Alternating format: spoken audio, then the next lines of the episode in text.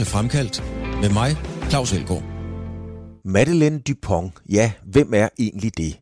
Hun er en af verdens bedste. Det er man nemlig, når man har kvalificeret sig til OL. Og Madeleine Dupont og hendes team skal repræsentere Danmark ved vinter-OL i Beijing i februar i køling. Vejen til OL har været helt vanvittig. Først trak Team Danmark støtten. Madeleine Dupont holdt op med at køle, og sporten var egentlig helt død. Men Dupont gav det en chance mere og stillede op til VM, og her løb hun ind i en ydmygelse af dimensioner.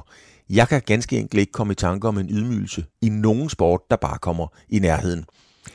Den ydmygelse, det løb ind til, svarer til sådan cirka, at en dartspiller til VM slet ikke formår at ramme skiven med de første seks pile, men den ydmygelse vendte det hele, og nu skal de altså til OL.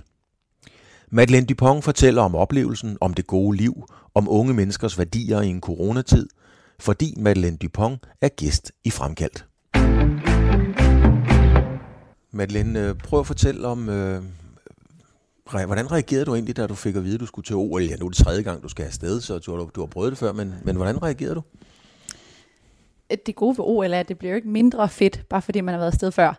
Det er jo lige så fedt øh, anden gang, og sikkert også tredje gang, som det var første gang. Det var lidt en lettelse her forleden dag, rent faktisk at blive udtaget officielt. Fordi det har været en, ikke en lang vej, fordi, men alligevel var vi kvalificeret os allerede i maj måned. Så derfor så har det jo føltes som en lang vej til, at det nu var officielt. Så det var sådan lidt en lettelse, at, øh, at nu vidste vi det alle sammen, at det var os, at det ligesom kom på papir. Det var, det var en kæmpe lettelse forleden dag. Havde du regnet med det? Havde du budgetteret med det, kan man sige? øh, ja, det havde jeg. Det, havde, det ville have overrasket mig, hvis vi ikke var blevet udtaget, fordi vi har vist øh, sådan en rigtig god kampform hen over året. Så det ville have undret mig, men der kan jo gå alt muligt i den skade politik, hvad ved jeg. Mm. Så, øh, så bare det, at Danmark har lyst til at sende øh, nogle hold afsted, det er jeg rigtig glad for. Men når man tænker tilbage, så er det jo ikke så mange år siden, at du ligesom lagde, lagde kosten på, på hylden. Nej, du, den bruger du så ikke vel, men, men øh, og, og så lige pludselig skal du til OL. Altså, det kan være svært for mig at forstå, hvordan, hvordan det egentlig hænger sammen. At de lige pludselig bliver så gode. Det kan også være svært for mig at forstå. Jeg tror, det er svært for os alle sammen at forstå, fordi for et år siden, der spillede jeg ikke sådan rigtigt. Jeg trænede, og jeg var i hallen, og, og alt det der, som man nu er. Men jeg havde ikke nogen ambitioner om, at vi skulle til OL igen. Og jeg havde slet ikke nogen ambitioner om, at vi overhovedet skulle til VM eller noget andet. Men øh, der opstod sådan en helt vanvittig mulighed, hvor vi fik øh, to hold lagt sammen, som så kom afsted til VM. Og altså jeg kan roligt sige, at det var mod alle odds, at vi overhovedet øh, klarede os godt. Fordi det var øh, top 6 ud af 14 hold, der fik en OL-billet. Og jeg siger til mit arbejde, inden jeg tager afsted, I skal ikke følge med, vi bliver alligevel nummer sidst. det, altså, I skal ikke kigge overhovedet, øh, fordi nu tager vi afsted, og vi får nogle af de her unge piger, der er med på holdet. Det bliver deres første VM, så nu får vi ligesom sat dem i øh, position til, at de kan overtage for os gamle rotter, ikke? Og, og vi tager så afsted, og vi taber en masse kampe. Nå, jamen det var jo som forventet. Det ser rigtig skidt ud. Og jeg ved ikke, om det er fordi, at man sådan mentalt når bunden. At vi var så langt nede, nederst i tabellen. Det bliver næsten ikke værre. At der måske skete et eller andet med holdet, der betød, at det kunne kun gå en vej. Og vi vinder så, jeg tror det er næsten, måske på nær en, eller også er det alle de resterende kampe derfra, efter vi har tabt fem kampe vinder vi resten, og, øh, og når helt til kvartfinalen, eller semifinalen, tror jeg endda der. Og, øhm, og så, så stopper den rejse så også. Men det betød jo også, at vi endte som nummer, øh, som nummer 5 i tabellen. Mm. Og så har man jo en OL-billet, når man er top 6.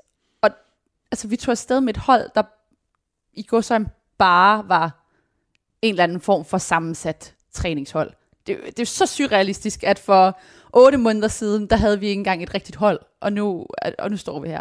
Men prøv en gang at fortælle, fordi det, det er ret interessant, det der med, at øh, da I ligger i rammerbunden, som du selv siger, I ligger sidst, øh, og de, I har egentlig levet op til de forventninger, I ville selv havde, at, at det her, det, det bliver ikke noget sejrsrigt togt i hvert fald. Men hvad, hvad tænker I så? Hvordan er stemningen på holdet, og hvordan pokkergriber I det an? Altså der det hele vender, det er, det, det, altså nu er det så lang tid siden, så nu kan jeg godt sige det uden at være flov, men det er, at vi spiller mod Schweiz, som også er et vanvittigt godt hold. Mm-hmm. De er de bedste, nogle af de bedste. Og i, øh, i en af omgangene, der får de 8 point.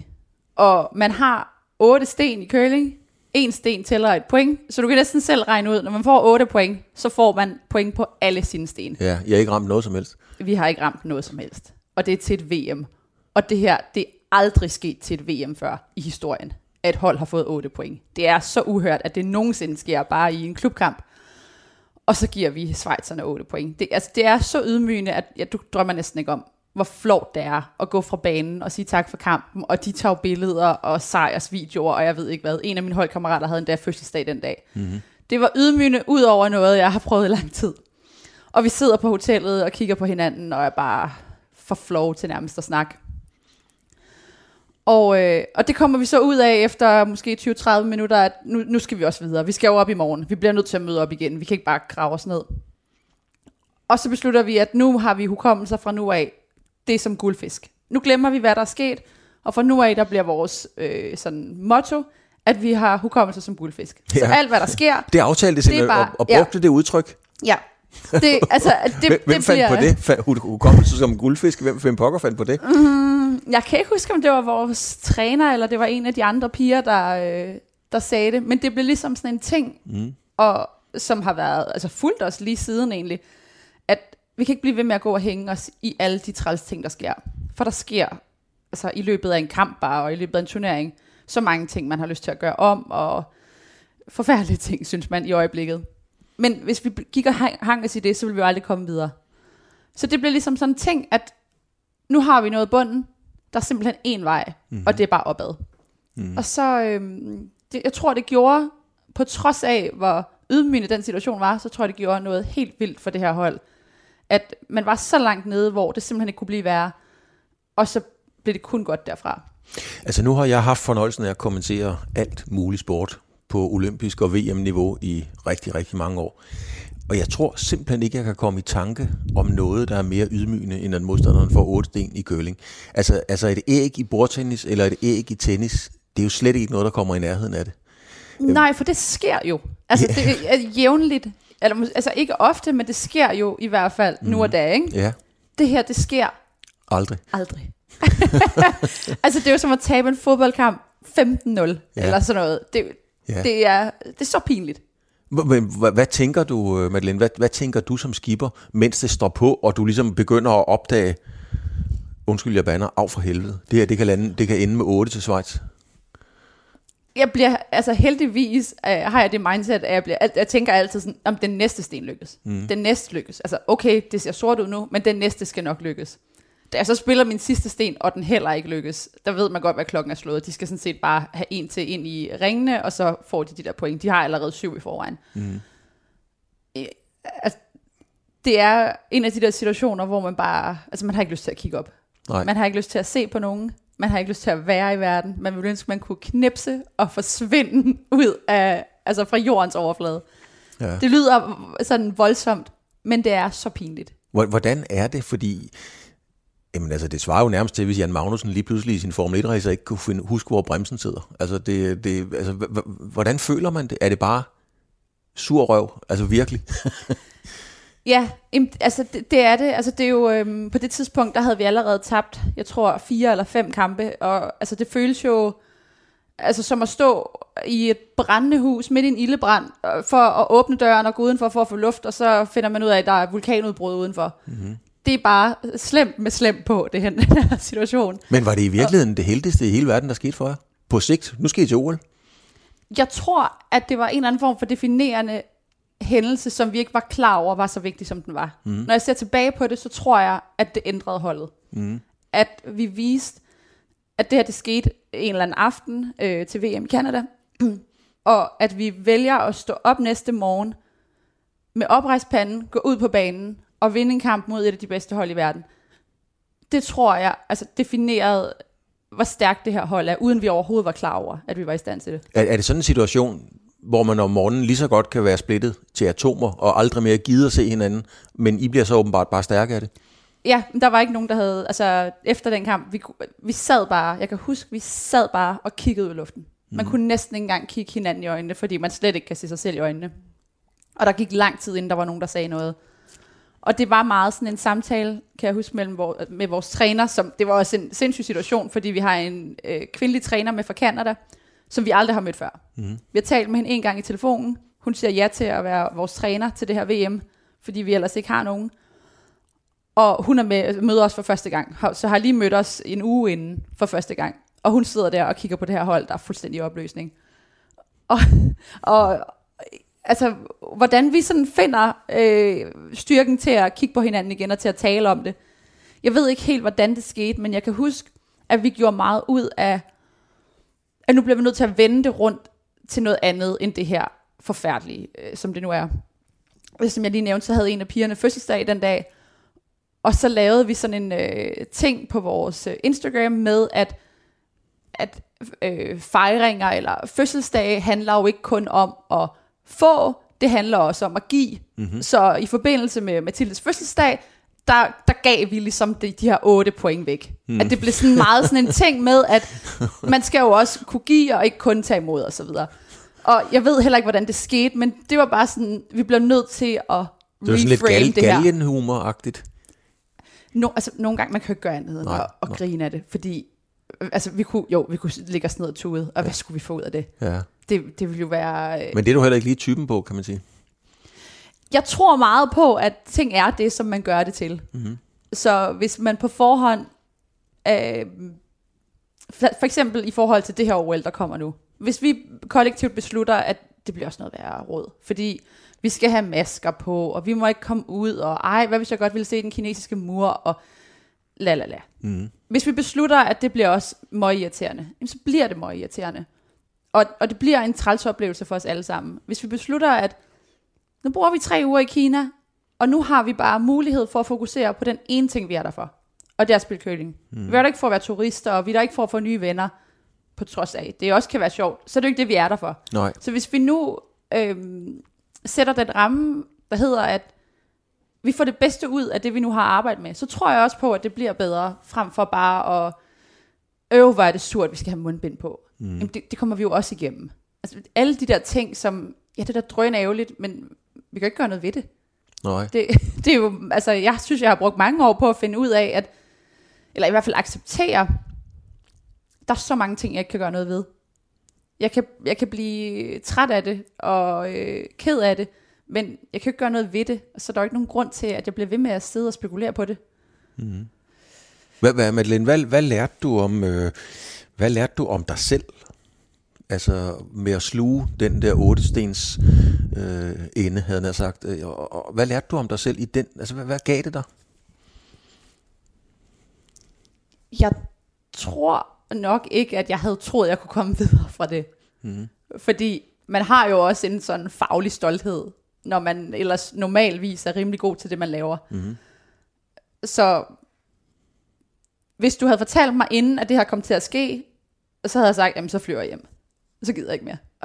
Okay. Men nej, det, altså det er, det, det, jeg havde, jeg havde bare ikke troet, at vi som et fuldstændig nyt sammensat hold af fem mennesker, der ikke Udover min søster og jeg, som selvfølgelig kender hinanden rigtig godt, og nogen, altså, vi kender hinanden lidt på tværs, men ikke som en enhed. Hvis du havde fortalt, at det her det kommer til at ske, I kommer til at tage fem kampe, I er helt nede i øh, sølet der, og I skal vende jer og komme tilbage fra det. Det havde jeg nok ikke troet var muligt. Mm-hmm. Så jeg tror i hvert fald, at jeg lærte, måske ikke så meget om mig selv, men i hvert fald om det her hold, at det kan meget mere, end jeg overhovedet troede var muligt. Og det er helt klart en kombination af forskellige individer. For det er jo ikke mig, der sidder og siger sådan, kom nu hold, nu gør vi det. Det er jo os alle sammen, der kollektivt beslutter, at nu er der også en dag i morgen, og vi bliver simpelthen nødt til at stå op, med det, stå op til den, og vi bliver nødt til at holde hovedet højt. For det, vi kan ikke bare sidde her og have ondt af os selv. Det, er jo, det fører jo ingen vejen. Altså jeg kan huske, øhm, jeg blev, jeg blev jo simpelthen chokeret, da, da jeg erfarede det med de otte sten. Jeg så det rent faktisk ikke, men jeg snakkede med med Tommy Stjerne, som jeg selv har kommenteret curling med i rigtig mange år. Vi snakkede om det der, og han kunne ikke huske. Altså Tommy kunne simpelthen ikke komme i tanke om, at han nogensinde havde oplevet det før. Tommy har kølet på højeste niveau i 100 år, ikke? Øhm, og så tænkte jeg, øh, så tænkte jeg, okay, hvad pokker er det så, der sker, når de rejser sig? Nogle gange ser man jo Madeleine, øh, eksempelvis en badmintonspiller, der er bagud 13-2, og så spiller badmintonspilleren frit, og lige pludselig laver nogle slag, som, som han normalt, eller hun normalt ikke kan. Var det også det, der skete for jer, at I spillede fuldstændig frit, lige pludselig, uden øh, nogen form for pres? Eller? Det tror jeg, det var. jeg tror, det var sådan en indsigt i, det bliver simpelthen ikke værre. Altså, det er jo lidt en sølle trøst, men, men okay, nu bliver det ikke værre. Vi har ramt den absolute bund, der er ramme. Og, øhm, og jeg tror i øvrigt, du har ret i, at hvis Tommy ikke kan huske det sket, så er det nok ikke sket. Nej. For jeg tror, Tommy kan huske det meste. Og, så, og det, ser man, det ser man jo også mange gange i alle sportsgrene. At når først at det er sådan, det føles som om, at håbet er, det er helt væk. Mm. Så er det jo der, hvor der sker ting, som man måske ikke troede, der kunne ske.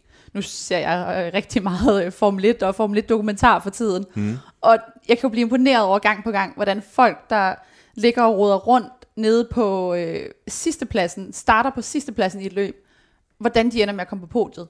Det er jo sådan noget, der er sindssygt inspirerende, uanset hvilken sport du er i. Ja. At se, at det her, det kan lade sig gøre. Og det er jo ikke kun i motorsport, det er jo i alle sportsgrene, som du siger, badminton og så videre.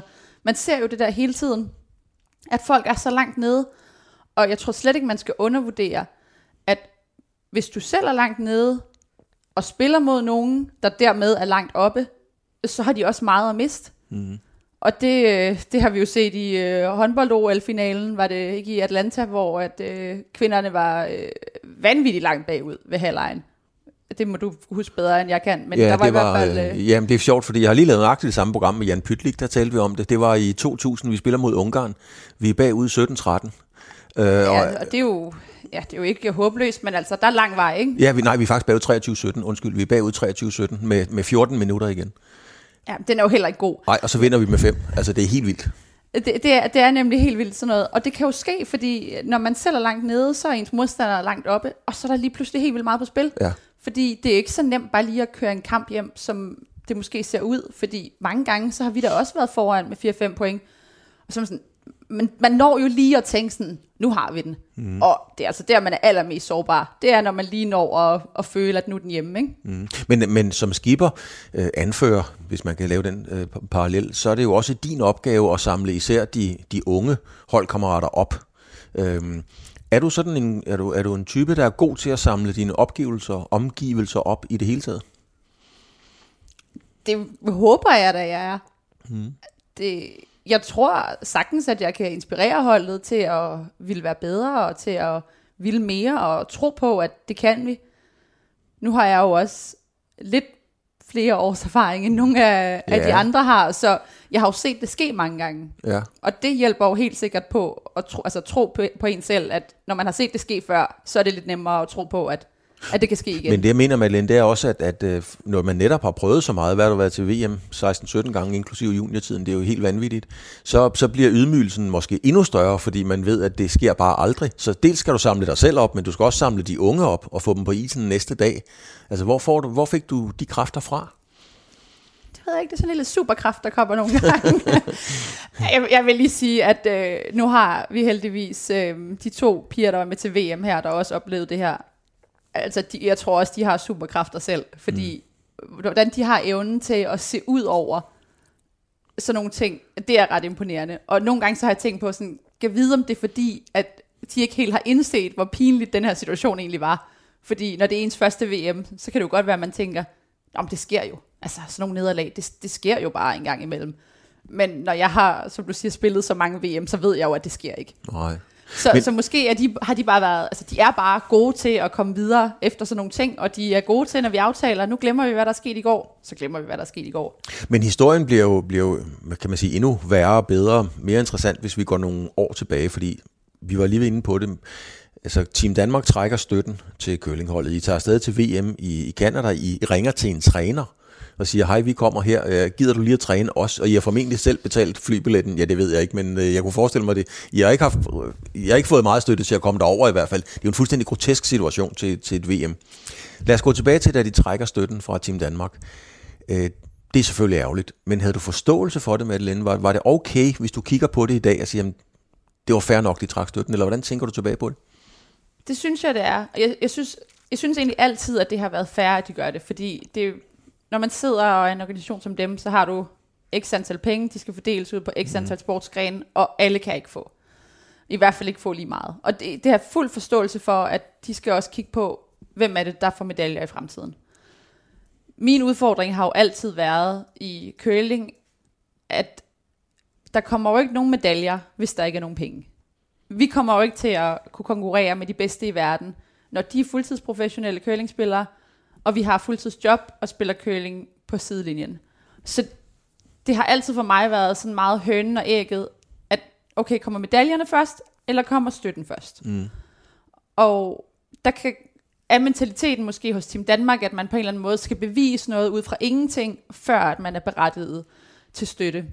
Der tror jeg bare, at vores problem har været, at vi beviste jo noget, før at øh, Team Danmark overhovedet var en faktor i curling. Ja. Da vi vandt VM-sølv i 2007, det var jo ikke sådan, at vi begyndte at tænke, gud kan vide, om vi får penge fra Team Danmark. Det var, Team Danmark var ikke engang en ting i vores øh, bevidsthed, Nej. eller at få penge for noget, fordi der var jo ikke nogen, der var professionelle dengang. Det der sker, det er, at vi er, har et sindssygt godt hold på det tidspunkt, får VM-medaljer hvert år, EM-medaljer hvert år, ligger også godt i svinget til OL i 2010. Øhm, men så sker der så desværre det, at der er jo rigtig mange lande, der bare overhaler os indenom. Vi kører i en oldgammel bil i indersporet, og der kommer bare Formel 1-racer i form af Kina, Sverige, Schweiz, Kanada, og bare overhaler os. Og vi ligger der og er egentlig på et godt niveau, mm.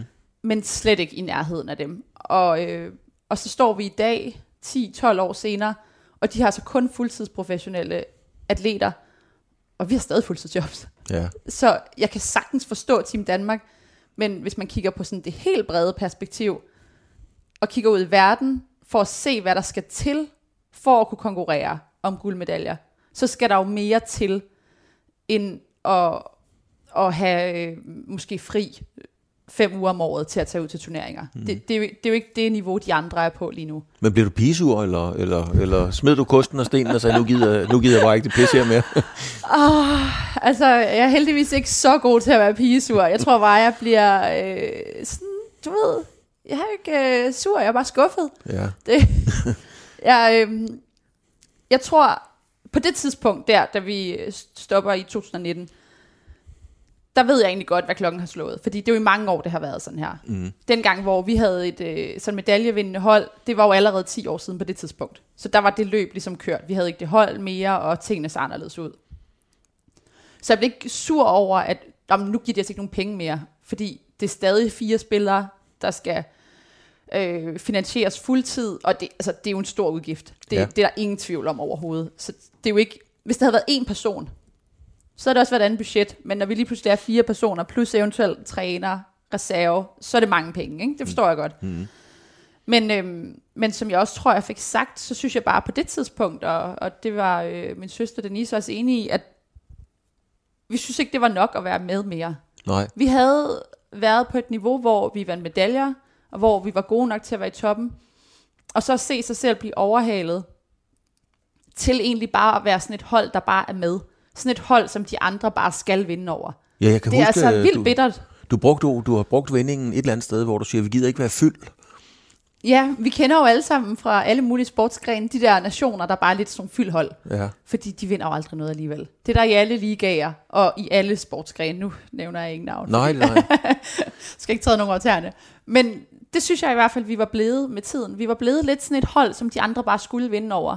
Nå, men altså, vi har jo lige set så- det til VM i håndbold. at Der er jo nogle hold, der tager med, med 25-30 mål. Det er fyld. Ja. Færdig arbejde. Ja, altså, det, gad- og det gad du ikke.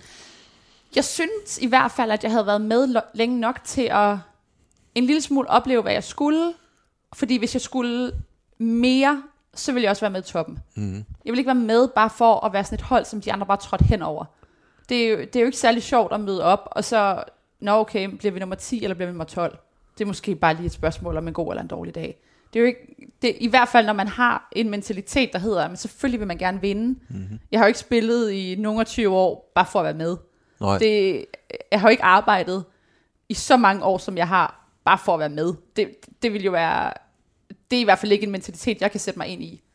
Og, øhm, og det var også derfor, at vi besluttede, at nu, nu må det nok egentlig også være nok. Og det var på ingen måde Team Danmarks skyld. Altså det var også sådan, man kan se ind af og se, hvis vi nu havde været ude 10 år tidligere og fundet sponsorer og sagt, at det her vil vi virkelig gerne, og vi vil være fuldtid og satset alt, hvad vi havde. Man kan sagtens kigge ind af, at jeg har gjort noget anderledes, men, mm. det, men det gjorde vi bare ikke dengang. Nej. Så der følte vi lidt, at vi havde øh, nået sådan, at det var vores målstreg. Men på et eller andet tidspunkt, Madeleine, så kører du en busbillet og tager ud i curlinghallen igen. ja, det er lige før. Hvorfor gjorde du det egentlig det? Øhm, jeg, det vi gjorde efter, at vi øh, sådan havde stoppet på elite-niveau, det var, at vi blev ved med at spille med vores daværende hold. Bare sådan en, altså spille. Vi var der en gang om ugen. Ja, Hygget, snakket, alt det der. og det kunne du godt. Altså, Det kunne jeg faktisk godt. Altså Ja. overraskende nok havde jeg troet, at det ville ikke kunne lade sig gøre, men det kunne jeg godt. Mm-hmm. Øhm, og det gjorde vi et år. Og året efter, så øh, om sommeren kigger vi sådan lidt på hinanden og sådan, hvad, synes du det her er sjovt, eller synes du det her er sjovt? Jo, det er da fint nok. Har lyst til at blive ved.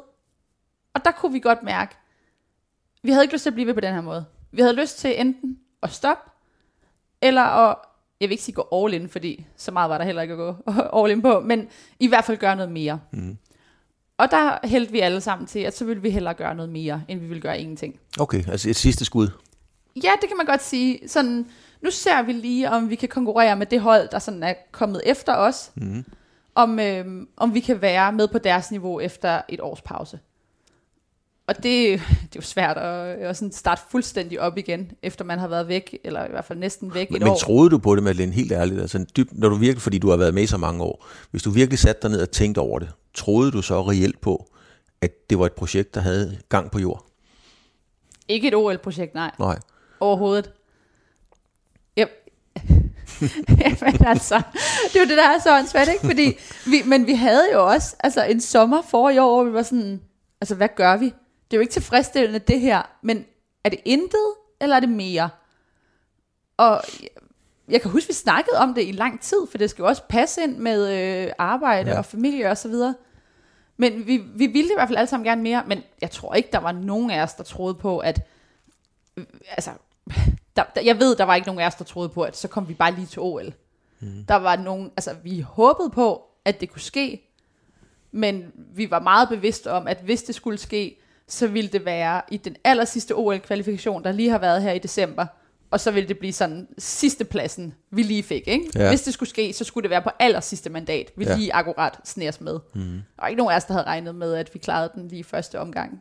Men nu kan man sige, nu er, nu er rollerne sådan på en eller anden måde byttet lidt om med den, på den måde, at, at vi har talt øh, om, om de otte sten, Schweiz, nedturen og så videre, og så spiller I frit, eller hvad I gør, og I begynder at vinde. Nu skal I til OL. Hvad for en mental tilgang går du og holdet til? Skal I prøve at spille lige så frit, som da I ramte bunden? Eller skal I, skal I spille på en anden måde? Eller hvordan griber I det an? Fordi at I har jo set, at når I spiller frit, så kan I slå dem. Når I virkelig strammer I an, så kan I få øretæver. Ja, det er det, der er problemet, det der med at spille frit, fordi det kan man kun, når der ikke er noget at tabe. ja. Og til OL, der føles det jo som om, at der er alt at tabe. Ja. I hvert fald indtil man sådan officielt er ude af slutspillet. Til OL, der spiller vi jo ni kampe. Man spiller alle mod alle i curling. Der er 10 hold. Alle mod alle. Så der kommer et tidspunkt på midt i turneringen cirka, at enten så er man tæt på at være ude, eller også så er man tæt på at være med i slutspillet. Men indtil det punkt kommer, hvor man eventuelt er ude, så er der jo alt at tabe. Ja. Alle kampe er sindssygt vigtige. Der er ikke nogen, der er lette. Der er ikke nogen hold til OL. Der er, der er nogle lette hold. Så jeg vil ønske, at jeg kunne sige, piger, vi spiller bare som om, vi har altså intet at tabe. Lad os bare gå ud og spille, som var det søndag formiddag i Hvidovre. Det kan vi sagtens. Slap af. Men det kan man jo bare ikke. Altså, Nej, I har jo også støtten at, kæmpe for, altså, fordi I skal jo også sammen med herrerne være med til at vise, at I skal have støtte fra Team Danmark, for eksempel. Vi vil altså sindssygt gerne gøre det godt. Ja. Sindssygt gerne. Det, vi er jo, det er jo den samme gamle sang, at vi er op imod nogle verdensklassehold, der ikke laver andet hver dag end at spille bla bla bla. Men alle dage er jo nye dage. Så vi kan jo lige så godt vinde over dem, som de kan vinde over os. Fordi de har jo så også alt det pres. Jeg ved, vi har bestemt også pres, men de har jo i den grad et pres. Hvis du er fra Canada, og du tager til OL, og du ikke kommer hjem med en medalje, altså så er du en fiasko i lang, lang tid fremover. Så der er mange flere hold, der har meget på spil, meget mere på spil, end vi har. Men så, jeg vil ønske, at vi kunne have den attitude, der bare hedder, lad os bare tage det helt roligt, lad os vinde det, vi kan, og så ellers bare slappe af. Mm-hmm. Men, men sådan fungerer man jo bare ikke. Nej. Fordi man kan sige det til sig selv, men kroppen ved jo godt, at der er noget på spil. Og det, det er vi jo øh, sådan meget, meget bevidste om. Men hvis man sådan går lidt uden for kølinghallen, og stadigvæk har, holder, holder fast i den, så kan man sige, der er jo, der er jo sådan nogle stereotyper, eller nogle, man har jo nogle, øh, øh, sådan er en bokser, sådan er en cykelrytter, og sådan er en kølingsspiller. Jeg kan huske, øh, for mange år siden, så tog vi rundt til antenneforeningerne fra TV2, hvor du jo selv arbejder nu i øvrigt. Øh, det var sammen med Morten Stig, og så var der nogen, der spurgte, hvorfor sender I ikke køling eller ridebanespringning osv.? Og, og så blev køling altid brugt som et eksempel på, jamen det er der ikke nogen, der gider at se, der er ingen, der interesserer sig for det, og det er nogle mærkelige nørder. Og det sagde vi altså i fuld alvor, ikke også? Og så begyndte vi jo selv på TV2 at sende køling med Helena Black, og det mm-hmm. blev en kæmpe, det blev en gigantisk seriesucces. Det var helt vildt. Hvordan er det sådan at være øh, offer for, skal vi sige, de, de fordomme, der er omkring kølingsspillere? Fordi det er du jo. Det er jeg. Jeg har jo brugt 20 år af mit liv på at høre, er du så ikke god til at feje? Ja. Eller, ja, eller siger du også oui, oui? Eller, øh, jamen jeg, der er altid nogen, der spørger, kaster du eller fejrer du? Og det er bare, altså, i min verden, altså, øh, der kunne du lige så godt spørge en fodboldspiller, øh, skyder du til bolden, eller løber du? Ja. Altså, øh, man gør jo det hele. Så det, det, det er sådan ret, øh, det er ret vildt, når man er så øh, dybt inde i en sport, som jeg er.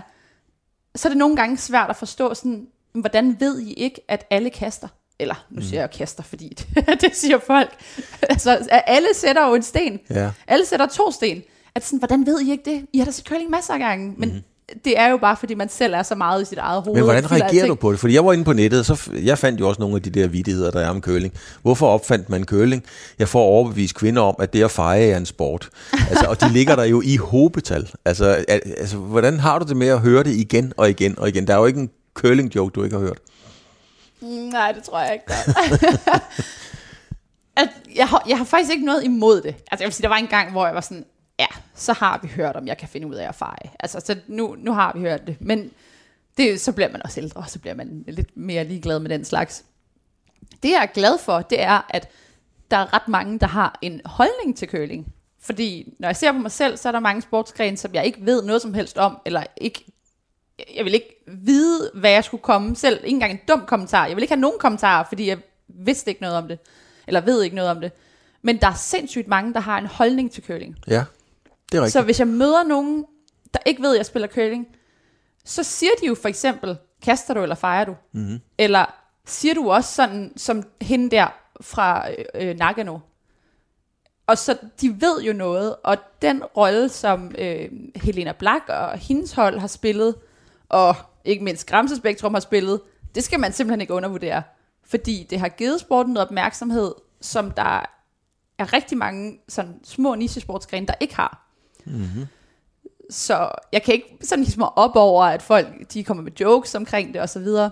Men, men sporten har jo da rykket sig lidt, fordi at, øh, jeg havde selv fornøjelsen af at, at, at være kommentator, som jeg har fortalt sammen med, med Thomas Stjerne omkring Helena Black Helena Black hold.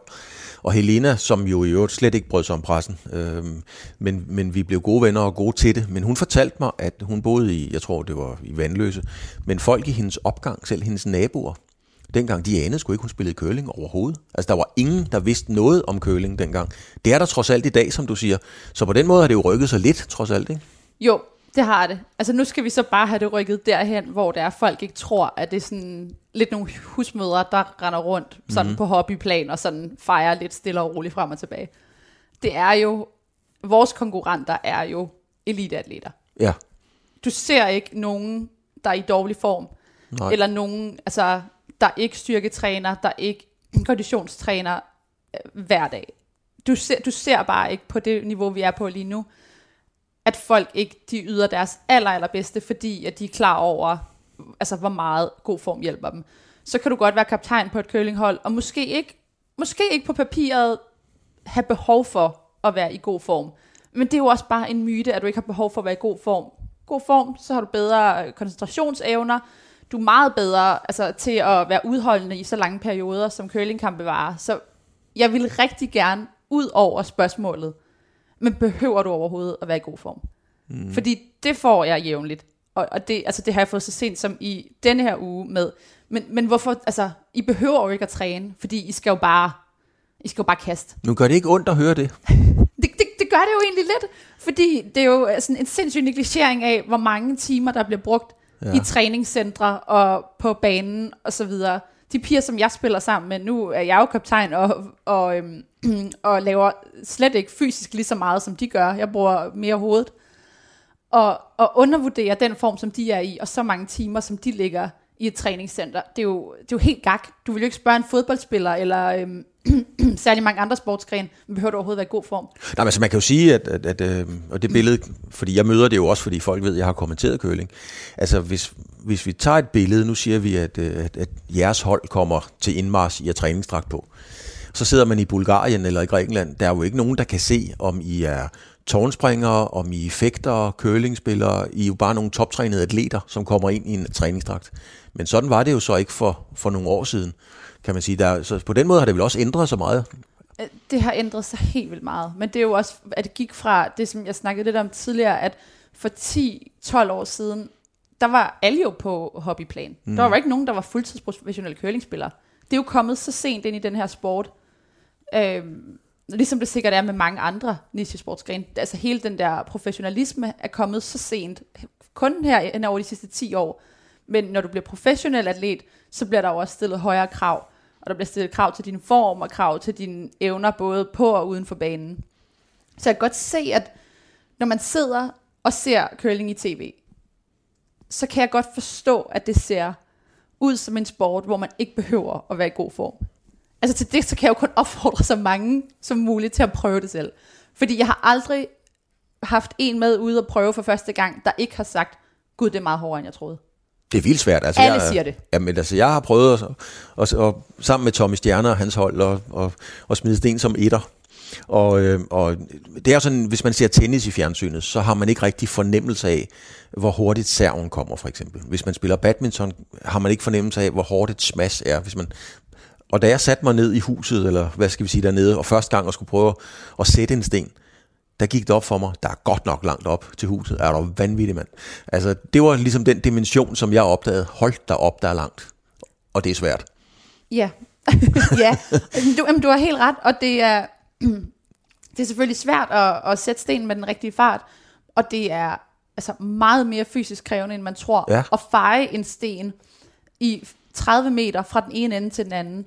Ja. Gør det seks gange hver omgang, og så gør jeg det 10 omgange. Så 60 gange i løbet af to og en halv time, drøner du op og ned, og i øvrigt lægger så meget vægt på en kost, som, altså, som du slet ikke kan forestille dig, hvis du ikke har prøvet at spille før. Nej, så det er jo intervaltræning, altså det er jo, det er jo pulsen op og ned, op og ned hele tiden, så, så det er jo ikke engang et maratonløb, det er jo, det er jo spurter, kan man sige hele Jamen tiden. det er det nemlig. Jamen altså, øh, mit hold, de har jo tit pulsure på, og ser, hvordan at det går så meget op og ned, som det gør. Og det er jo, nogle gange så prøver jeg ellers uden sammenligning, og prøver at sammenligne det en lille bitte smule med skiskydning, for det kan nogen sætte sig ind i, at du skal ræse dig ud af x antal meter eller kilometer, så skal du ellers ligge dig ned, eller sætte dig ned, få pulsen fuldstændig ned, og så skal du lave sådan en finesseskud, der kræver så meget altså mm. koncentration, at, at det er så små ting, der afgør, om det lige er lidt for hurtigt, eller lidt for langsom, og i skiskydning lidt ved siden af, eller lidt op og ned.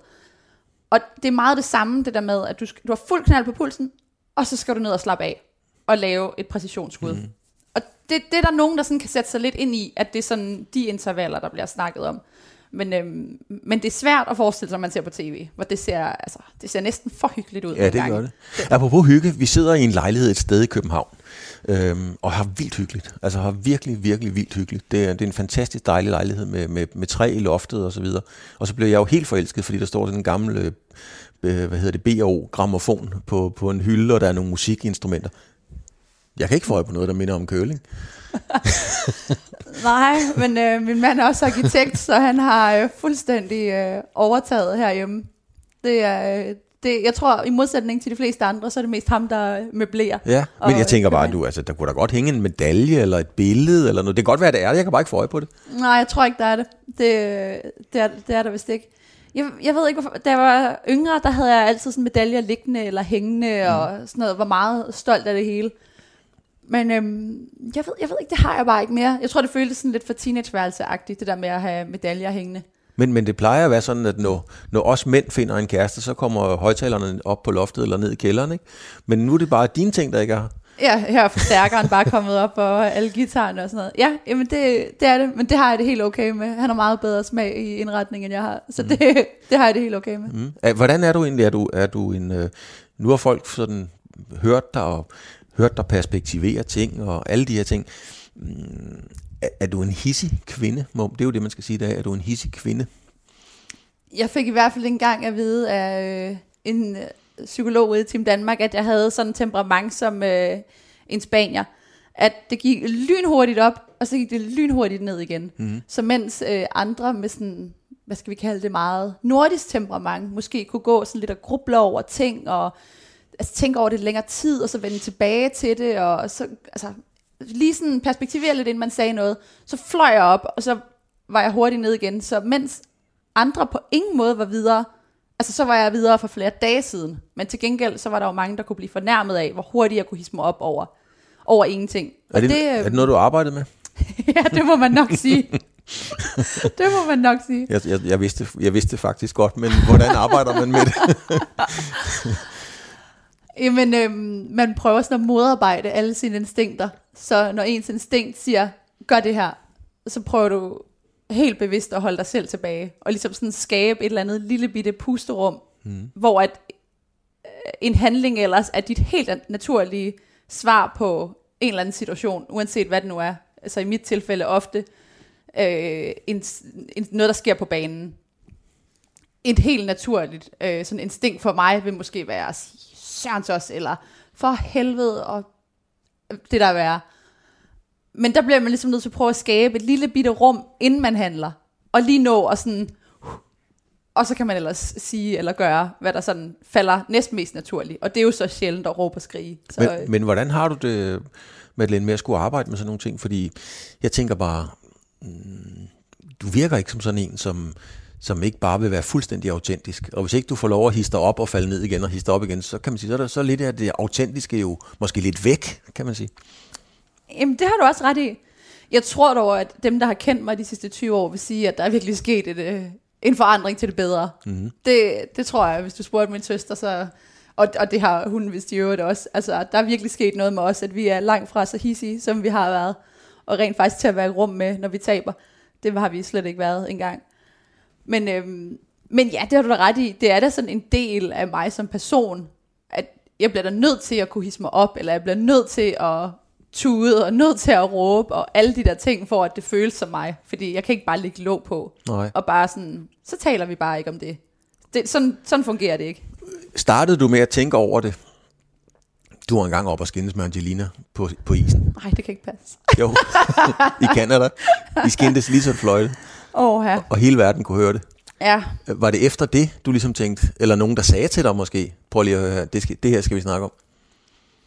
jeg har nok været bevidst om allerede dengang, at det burde, det burde vi snakke om.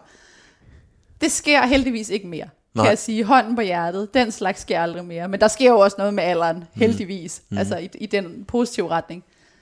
Det er jo øh, sindssygt flot at kigge tilbage på, at opføre sig sådan, altså som sådan en forkælet barn, ikke? Det er jo, men det er jo en del af, selvom det lyder Jeg vil så sige, I var lige god om det.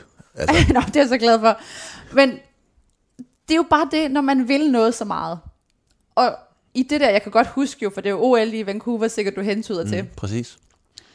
Vi har vundet VM sølv, VM bronze, EM sølv, lige årene op til. Vi skal have den medalje. Ja. Det skal vi bare have. Og vi starter med at tabe de to første kampe. Og der er bare pres på, fordi så mange kampe har man heller ikke at gøre godt med. Og vi skal bare vinde. Og når man vil noget så meget, og nu siger jeg, at man skal noget så meget, fordi vi følte jo, at vi skulle, vi, altså den medalje var jo vores. Ja. Det, vi havde fortjent den medalje. Og man kommer derud, hvor at, altså, det er lige ved at løbe ud imellem øh, fingrene på en. Ikke? Man kan jo bare se, at øh, det, det smutter bare alt sammen lige ned i afløbet. Og altså, man skal bare have fat i den medalje, som man har fortjent.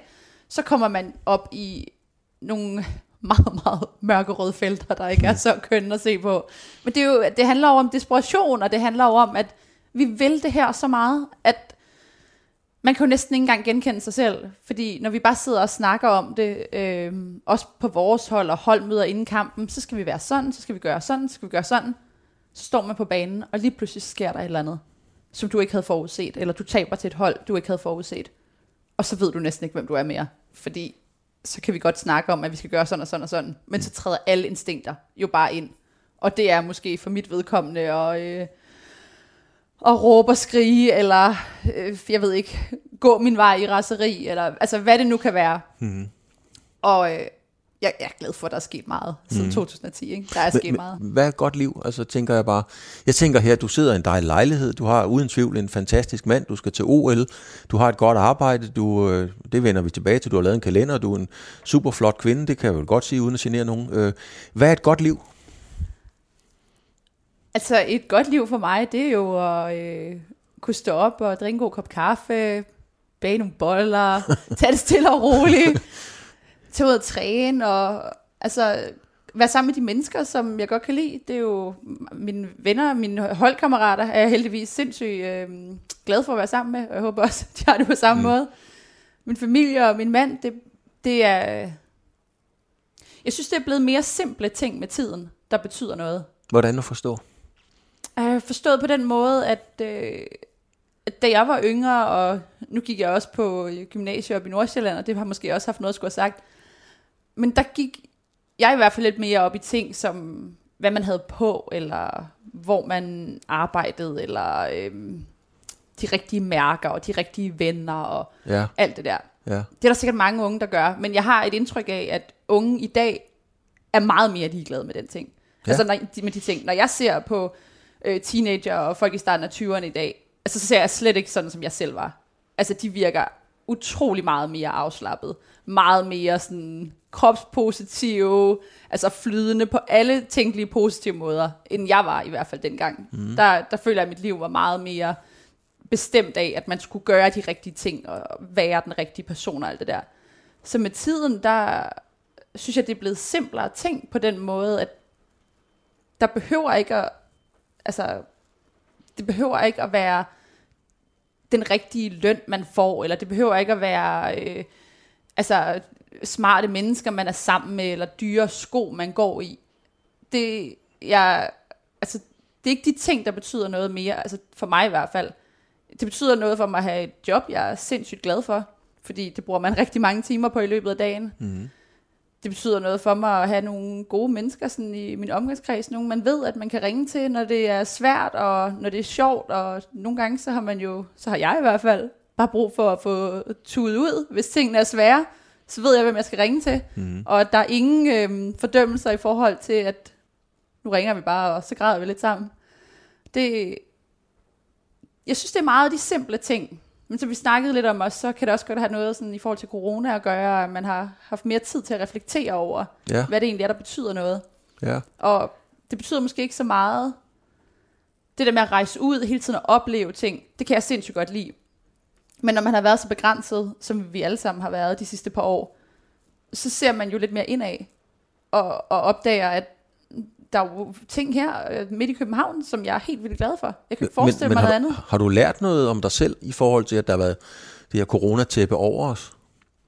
Det synes jeg. jeg. Jeg synes, der er ting sådan herhjemme, altså ikke bare herhjemme i lejligheden, men herhjemme i, øh, i Danmark, og altså, der betyder meget mere for mig, end det der med at komme ud. Mm. For det er fedt at komme ud, det er fedt at opleve ting, og Bestemt. nye hoteller, og nye, altså, det, det er så fedt. Men det er jo endnu vigtigere at have nogle mennesker rundt omkring en, som, som man ved bare er der. Nu har jeg selv lige øh, været igennem en øh, sådan lidt øh, rigtig træls rygskade, og at vide, at folk er der, uanset om man siger til dem uge efter uge, prøv at høre, jeg kan altså ikke ses, jeg, jeg kan ikke komme ud af døren, eller vi, altså, for tiden der, nu skal jeg ikke ud af døren, fordi jeg er jo selvfølgelig nervøs for at få corona inden mm. Beijing og så videre. Og bare vide, at prøv at høre, vi er der også, når du kommer hjem igen.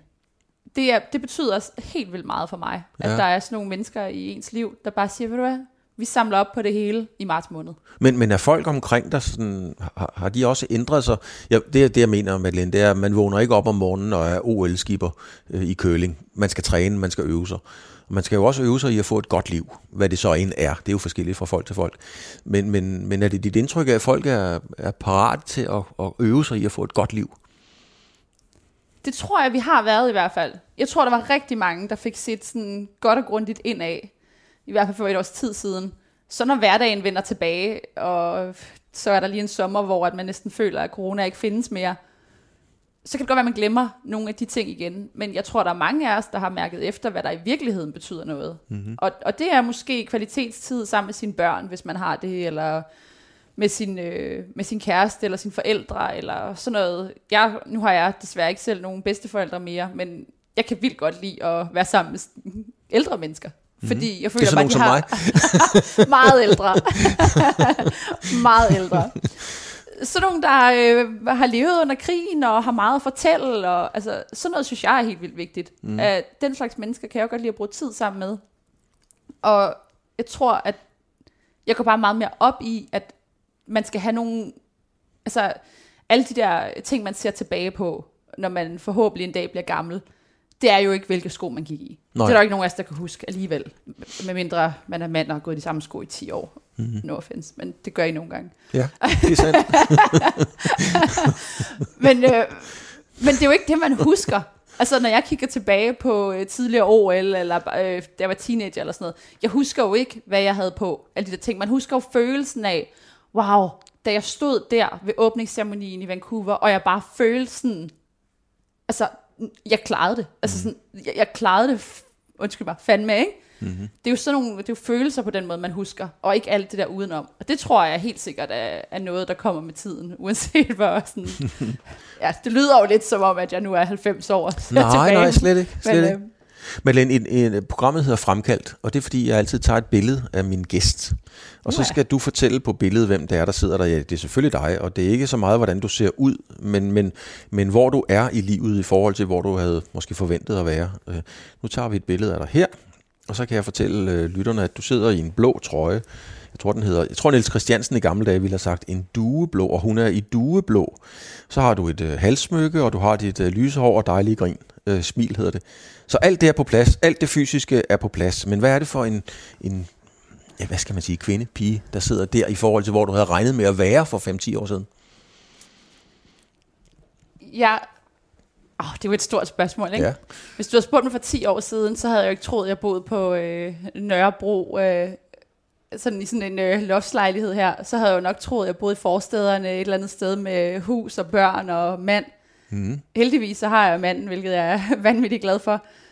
Men de andre ting har jeg ikke, så hvis du havde sagt til mig for 10 år siden, at jeg er 34, nu skulle jeg lige huske, hvad jeg er, 34, og ikke har nogen børn, så tror jeg, jeg ville have været ked af det over det. Det, det ville jeg virkelig. Men i dag, der er jeg sådan et sted, hvor jeg tænker, det er jo ikke sikkert, at det skal være lige nu. Det, er jo, det passer mig egentlig ret godt, tingene som de er nu, og jeg synes, at jeg med tiden har lært at hvile meget i mig selv. Det, det er jo sådan et fjollet billede, det der, men altså... Nej, det er det faktisk ikke. Altså, nej, fordi det ligner... Nej, det, nej, ved du hvad, Madeleine? Det er faktisk ikke noget fjollet billede, fordi det ligner dig på en prik.